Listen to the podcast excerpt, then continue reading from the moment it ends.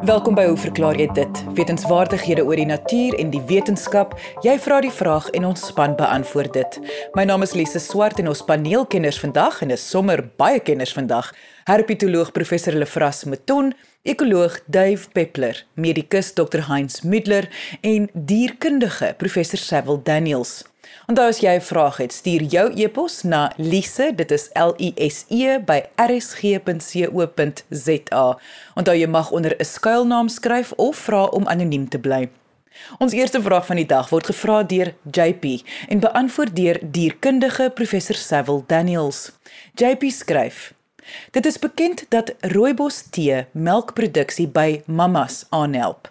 Wat is in rooibos wat hiervoor verantwoordelik is? Kan ek dit gebruik om vir my oeye te voer? Merino groete JP. Professor Daniels. Dis 'n baie interessante vraag. Nou om mee te begin moet 'n mens nou onderskei dat daar twee tipes rooibos is. In die algemeen is daar die rooi rooibos wat ons meer vertroud mee is. Dit is die hoogs geoksideerde vorm van die tee en dit word gewoonlik blootgestel aan lig en droog gemaak um uh waar dit blootgestel word aan die son gewoonlik. Maar daar's ook groen rooibos tee. Hierdie is minder geoksideerde blare of stemme van die plant. Dit is baie meer skaars as die gewone rooibos tee wat mense nou alledaags kry en dit is as gevolg van die feit dat dit ook baie skaarser is, is dit ook baie duurder dit smaak ook meer grasagtig en het 'n gefermenteerde nasmaak. So ek gaan nou aanneem dat jy praat van die algemene rooi rooibos tee wat dan ook die hoogs geoksideerde vorm van die tee is. Nou kom ons kyk gou vinnig na wat die um, gesondheidsvoordele van rooibos tee is.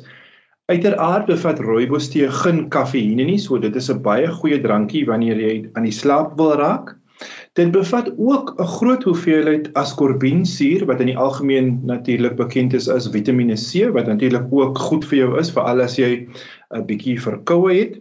Dit bevat ook flavonoïde, flavonole, 'n groot verskeidenheid tannine. Tannine is natuurlik wat 'n mens gewoonlik wanneer 'n mens in die berge loop wanneer jy die breinkleur sien in die water, dit is die tanniensuur wat nou verantwoordelik is vir die afbreek van die organiese blaarmateriaal gewoonlik in strome en 'n mens sien ook so 'n roesbreinkleur gewoonlik by die rooibos tee. Maar rooibos tee bevat ook 'n redelike hoeveelheid fitoestrogene. So fitoestrogene is nou estrogene wat deur plante geproduseer word en wat die rol van estrogene in die menslike liggaam kan naboots. So wat is nou die funksie van estrogene wat natuurlik uh gereedelik op 'n redelike hoë vlak by vrouens voorkom? Dit is nou premenopausal. So die funksie van estrogene is hoofsaaklik dat dit verantwoordelik is vir die reproduktiewe stelsel se gesondheid by vroue, maar dit het ook ander funksies soos um kardiale en bloedvatgesondheid. Dit help met bene, die vel, die hare en ook by die met die pelviese spiere. So die bioaktiewe komponent van rooibostee wat dan nou kan help met borsvoeding by soogdiermammas soos jy nou tereg daarna wys is natuurlik hierdie fitoestrogene. Nou fitoestrogene is vir of estrogene in die algemeen is verantwoordelik vir die stimulasie van die melk of die mammokliere in die borsweefsel van vroue. So dit het wel 'n uh, impak op die melkproduksie, maar dit moet dan geneem word voordat die baba gebore word, want in die algemeen um, gaan die estrogen vlakke na geboorte terug na die um, oorspronklike laer vlakke toe wat 'n mens waarneem wanneer die vyfie of die soogdier dan nou nie regtig is nie. Daar is ook eksperimentele werk wat in rotte gedoen is wat wys dat ehm um, rooibostee het wel 'n beduidende impak op die groei van die uterus en ook soos ek voorheen gesê het dit help met die stimulasie van die mammokliere in die borste van wyfies. Jou tweede gedeelte van die vraag is kan jy dit gebruik vir jou oeye of kan jy dit voer vir jou oeye? En ek dink hier moet 'n mens 'n uh, versigtige antwoord gee. Die rooibostee wat 'n mens gebruik in die algemeen is natuurlik nou uh, opgelos in water, nê, nee, wat die mammas nou sou drink. So ek sou nie voorstel dat jy dit voer vir die diere nie, vir die skape nie. Ek sou voorstel dat dit dat jy dit in hulle water oplos en dan met tyd na 10-20 minute die rooibos uit die water uithaal soos 'n mens nou 'n gewone um, koppie tee sou maak amper. Maar terselfdertyd wil ek ook sê dat daar nie werklike wetenskaplike bewyse is vir die effektiwiteit van rooibos in skape noodwendig nie. Alle aanduidings wel is dat dit moontlik ook sal kan werk. Maar daarvoor het 'n mens nou 'n wetenskaplike proefstudie nodig. Met ander woorde, jy het 'n eksperimentele groep nodig wat jy gaan blootstel aan die rooibos tee en dan het jy ook 'n groep wat jy dan nou nie blootstel aan die rooibos tee nie en dan moet jy nou kyk wat is die impak van die blootstelling aan rooibos tee um, in vergelyking met die blootstelling aan net water byvoorbeeld want wat 'n mens wel wil uitvind is hoeveel van die tee is nodig? Wat is die konsentrasie um, van die fitogekemikalie wat nodig is vir effektiewe stimulasie van die mammokliere by die oeye Maar in beginsel kan dit wel werk, maar ek dink jy moet werklik 'n wetenskaplike bepaling maak om um te kan uitvind hoeveel van die tee nodig is, wanneer dit nodig is en watter konsentrasie van die fitogekemikalie is optimaal vir die stimulasie van die mammokliere by die oeye. En dit was dierkundige professor Sewil Daniels. Ons volgende vraag is 'n kitsvraag wat beantwoord word deur herpetoloog professor Lefras Meton. Lefras, hoe verklaar jy dit dat die grootpootvoëls van Australië hul eiers begrawe en nie daarop broei soos ander voëls nie? Elise voëls is natuurlik nessoogdiere endotermies of warmbloedig en baie energie word verbrand om hul liggaamstemperatuur so konstant as moontlik by ongeveer 40 grade te hou. Die meeste voëls span dan nou hierdie konstante relatief hoë temperatuur in om hul eiers se ontwikkeling te versnel deur daarop te broei. Dit gee hulle dan nou 'n baie groot voordeel bo eierlêende reptiele wat die omgewingstemperatuur gebruik om die eiers se ontwikkeling te dryf. Nou, waarom sou sekere voëls dan nou nie hierdie hoë liggaamstemperatuur aanwend uh deur op hulle eiers te broei nie? Ons verwys dan nou hier spesifiek na die grootpootvoëls of Megapodidae in die familie Megapodidae, ook bekend as die inkubator voëls. Nou hulle is bonkige medium tot groot grondvoëls met so 'n hoenderagtige voorkoms en sterk bene en groot pote. Vliegvermoë varieer in hierdie groep met sommige wat baie goed kan vlieg al is hulle dan nou grondvoëls. Die 20 of so spesies binne die familie kom voor in die breë Australasiese gebied wat natuurlik nou ook Australië insluit. Nou eerder as om op hulle eiers te broei, begrawe baie van die spesies in hierdie groep hul eiers onder verrottende plantmateriaal. Dit kan 'n mannetjie tot 11 maande neem om 'n groot hoop van plantmateriaal bymekaar te maak waarin die wyfie dan nou haar eiers gaan lê. Nou nadat sy haar eiers met tussenposes gelê het, vat die wyfie die pad, maar die mannetjie sal vir die volgende 40 tot 70 dae van inkubasie gereeld die hoop besoek om die temperatuur te kontroleer deur nou materiaal, plantmateriaal by te voeg of weg te neem. Behalwe vir hierdie vreemde voortplantingsgedrag is die grootpootvoëls ook daarvoor bekend dat die kuikens super selfversorgend is. Nou super selfversorgend is nou 'n wetenskaplike term. Eh so die voëls is super selfversorgend wanneer hulle uitbroei. Hulle vere is ten volle ontwikkel en die soorte wat goed kan vlieg se kuikens kan in baie gevalle al vlieg wanneer hulle uitbroei. Hulle is dadelik in staat om geheel en al na hulle self om te sien en het geen kontak met hul ouers nie. Nou dit is van selfsprekend dat die eiers 'n baie hoë persentasie dooier moet bevat. tot 70% van die eiermassa om hierdie hoë vlak van ontwikkeling met uitbroeiing moontlik te maak. Nou wanneer die kuikens gereed is om uit te broei, breek hulle die eierdop met hulle sterk kloue en dan deur op die rug te lê met die pote na bo, krap hulle die plantmateriaal weg en wrimmel hulself dan uit die hope uit. Dit maak seker sin dat die kuikens soepe selfversorgend moet wees wanneer hulle uitbroei, want die pa gaan nie noodwendig daar wees wanneer hulle nou uiteindelik uitbroei nie. Dit is juis die groot voordeel van hierdie inkubasiestelsel dat die ouers nou hul tyd op ander dinge kan to toespits eerder as op om op eiers te sit en broei en later kuikens groot te maak. Die kleintjies van eierlêende reptiele is om dieselfde rede ook selfversorgend wanneer hulle uitbroei, want die ma kan nie by die plek waar sy die eiers gelê het waghou totdat hulle eendag uitbroei nie. In sommige gevalle kan dit so lank soos tot 'n jaar neem voordat die eiers uitbroei. Dit was herpetoloog professor Lefras Meton.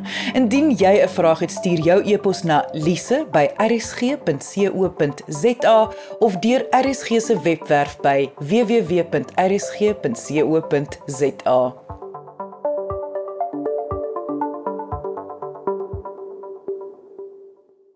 Ons volgende vraag van die dag word gevra deur Talla en beantwoord deur ekoloog Dave Peppler. Talla vra: Vra tog asseblief vir jou slim koppe. Hoekom waai die wind in Pretoria op 'n gewone sonnige dag in 360 verskillende rigtings?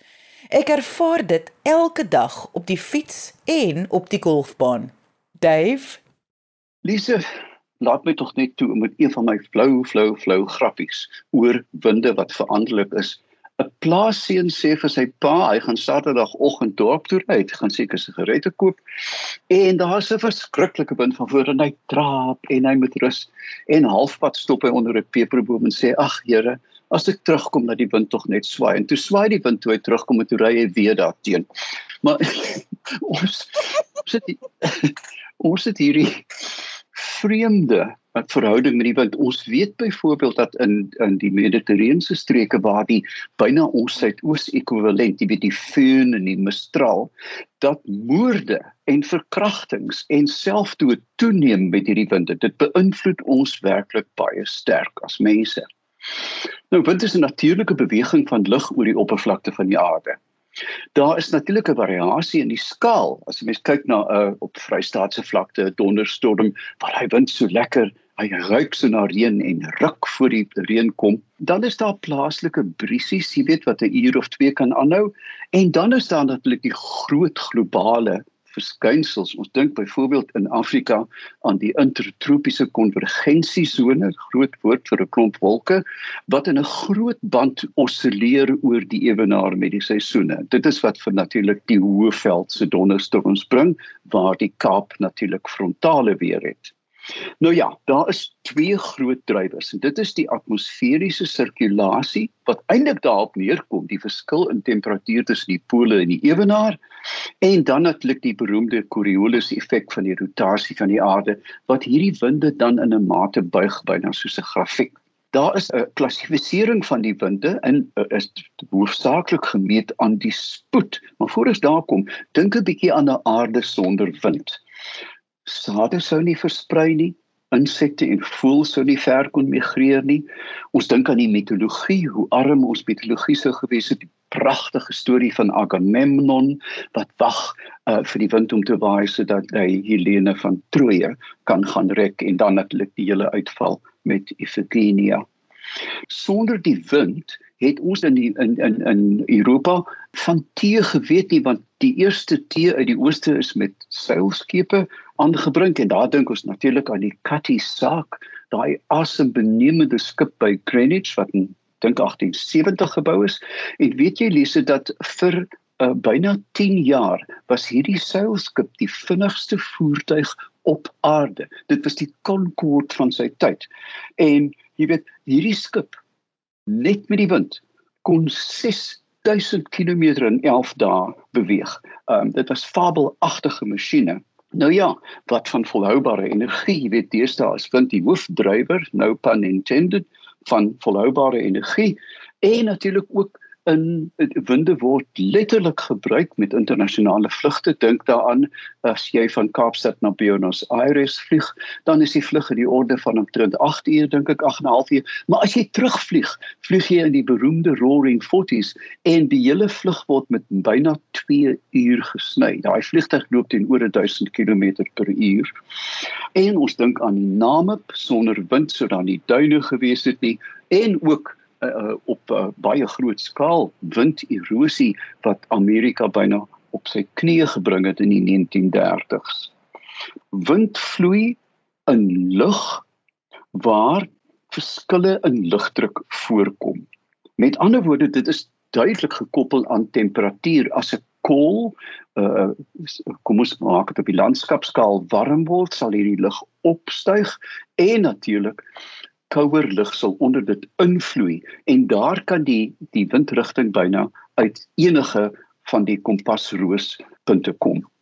In wese is winde dan op die planetêre skaal gaan dit oor die verskil tussen die temperature van die pole en van die ewenaar en dan gooi omeng ons natuurlik die Coriolis effek daarbey in. Nou hoe meet ons dit die rigting van wind word soos ons weet word bepaal vanuit die rigting waar dit vloei met ander woorde 'n noorde wind kom uit die noorde en omgekeerd maar ons het dan ook afhangende van die kus het ons aanlandige en aflandige eh, winde wat eintlik enige rigting kan hê. Twee ander interessanthede is dat gewoonlik is die windrigting by die pole in 'n oostelike rigting, maar in die midbreedtegrade is dit dan 'n uh, gewoonlik 'n westewind wat in die breë waai.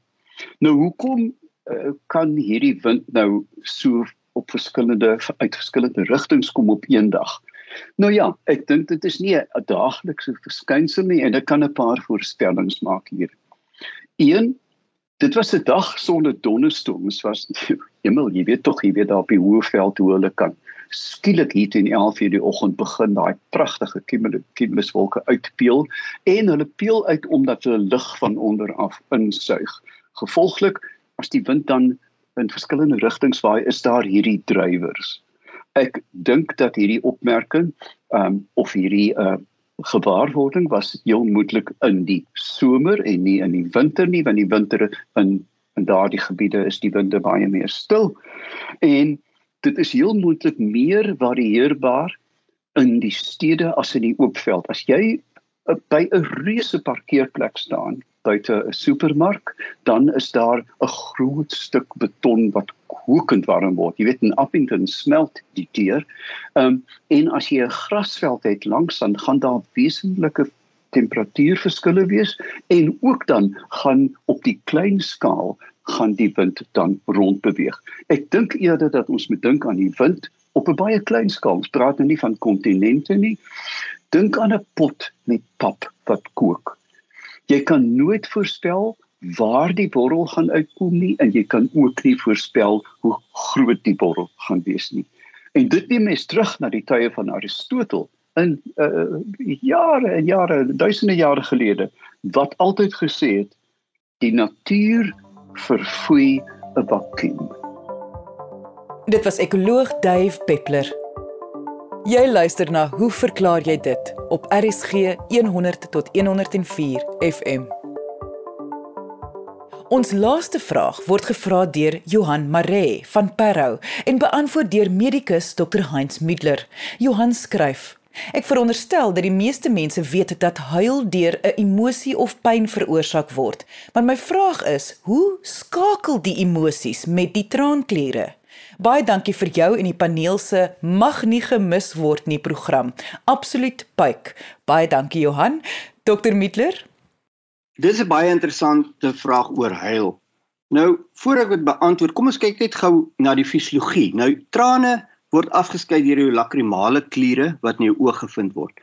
En daar is verskillende tipe trane wat jy, dis nie net altyd trane net omdat jy weemoedig is of seer gekry het nie, maar daar's verskillende trane. Almal van ons het trane elke dag en dit is die basale trane wat jy afskei in 'n konstante hoeveelheid wat die heeltyd aanwesig is. Elke keer as jou oë knip, dan veroorsaak hierdie trane dat dit jou oogbal lubriseer of uh, wat sal ons sê olie sodat hy nie uitdroog nie. So jou kornea en jou konjektiva se uitdroging word verhoed deur die traanproduksie wat die heel dag dag en nag aangaan. Dis hoekom as jy met oop oë slaap, jou oë uitdroog en rooi en geïrriteerd raak omdat jy hulle nie knip nie en hulle dan nie die trane kry nie. Nou dis die eerste tipe trane. Die tweede trane is die refleksiewe trane. So as ietsie soos 'n sandkorrel in jou oog waai of 'n skerp dingetjie wat inwaai, of 'n vonk inspat dan skielik traan jou oog oormatig. Sommige produseer die lakrimale kliere klomp trane en dit is om die vreemde voorwerp uit te was so vinnig as moontlik. So binne 'n sekond kan jou lakrimale kliere groot hoeveelhede trane produseer. En dit word veral ook gesien in die derde tipe traan, die psigologiese of die sielkundige tipe traan wat met jou emosies verband hou. Die emosionele aspek van trane is interessant want as jy gelukkig is, dan huil jy en as jy treurig is, dan huil jy. As jy kwaad is, dan huil jy. As jy pyn het, dan huil jy. So daar's enige emosionele insident of abnormaliteit wat jou tref, kan jou laat huil. Die rede hiervoor is omdat jou emosies is gesetel in jou limbiese stelsel. In jou limbiese stelsel werk baie interessant want daar is senuweeoordragstowwe wat afgeskei word wanneer hierdie stelsel gesimuleer word en dit vorm deel van jou autonome senuweestelsel en veral hier is jou parasimpatiese senuweestelsel van belang en die die senuweeoordragstof hier betrokke is asetilkolien. So die oomblik as jy slegte nuus hoor, onmiddellik begin jy binne 'n sekonde huil. Dis omdat die asetilkolien dadelik in groot hoeveelhede afgeskei word, jou kliere stimuleer en die trane vloei. Omdat dit jou pyn veroorsaak dit ook weens die koneksie met die limbiese stelsel. Die dis nie so seer die pyn self wat die trane veroorsaak nie, maar dis omdat dit 'n emosie, 'n negatiewe emosie uitlok wat jou limbiese stelsel stimuleer. Nou interessant genoeg ook, hoekom se huile ou dan nou as jy kwaad is of hoekom huil jy as iemand jou leed wil aandoen? Dit het 'n neutraliserende faktor. Jy huil om die ander persoon tipe van sy aggressie te demp dat hy kan sien o wag hier is nou 'n probleem of ook om hom te laat skuldig voel um, want skielik is daar trane. So jy huil nie net omdat jy emosioneel is nie maar dit het 'n tipe van 'n beskermingseffek om dan daai emosionele trauma op 'n manier te probeer afkeer. Nou dis die derde vorm. Die vierde vorm van trane is seker die gevaarlikste tipe en dis die krokodiltraan die krokodiltrane kom uit die Griekse mitologie en dit bestaan maar dit is vals trane. Wat 'n krokodil doen hy lê in die water en dan maak hy of hy seer gekry het en hy maak geluide van weemoed en van uh uh pyn en marteling sodat omstanders hom begin jammer kry en naderkom en sodra hy naderkom dan vang hy sy prooi en vreet dit op. En dit is die krokodiltraan. Nou daar's da ook 'n bietjie waarheid daarin dat krokodille is bekend daarvoor dat hulle hierdie tipe van geluide maak. Hulle maak hierdie steunende, ehm um, huilerige geluide en dit is ook bekend dat hulle trane het. So wanneer hulle hulle prooi vang en die prooi vreet, vloei die trane. Nou die trane word uit die dak van die van die mond uitgeskei en nie uit die oë nie. So daar is krokodiltrane, ware trane, maar soos ons sê, as jy huil en dis krokodiltrane, dan is dit vir die mens net vals trane. En dit was medikus Dr Heinz Middler. Indien jy 'n vraag het, stuur jou e-pos na lise@rsg.co.za. Onthou jy mag onder 'n skuilnaam skryf of vra om anoniem te bly. Ek sê baie dankie aan ons kenners en vraagstellers vandag. Lekker dag verder. Onthou om altyd nuuskierig te bly en vra te vra. Tot volgende week net hier op RSG. Totsiens.